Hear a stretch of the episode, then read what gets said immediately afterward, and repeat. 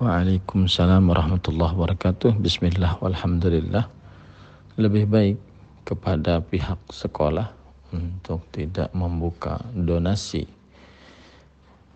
kepada wali murid ataupun murid-muridnya yang tujuannya untuk memberikan hadiah kepada para guru. Lebih baik biarkan guru-guru tersebut mengajar sesuai dengan tugasnya dan mendapatkan gaji sesuai dengan uh, gajinya.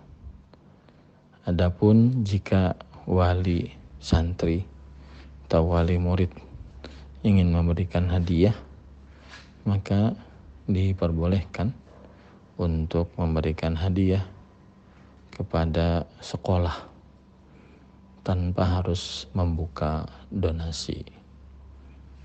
Berikan hadiah kepada sekolah yang nanti pihak sekolah akan membagikan kepada para guru jika memang bisa dibagikan.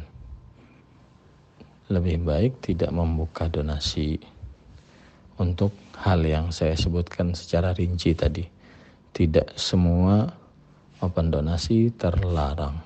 Wallahu a'lam.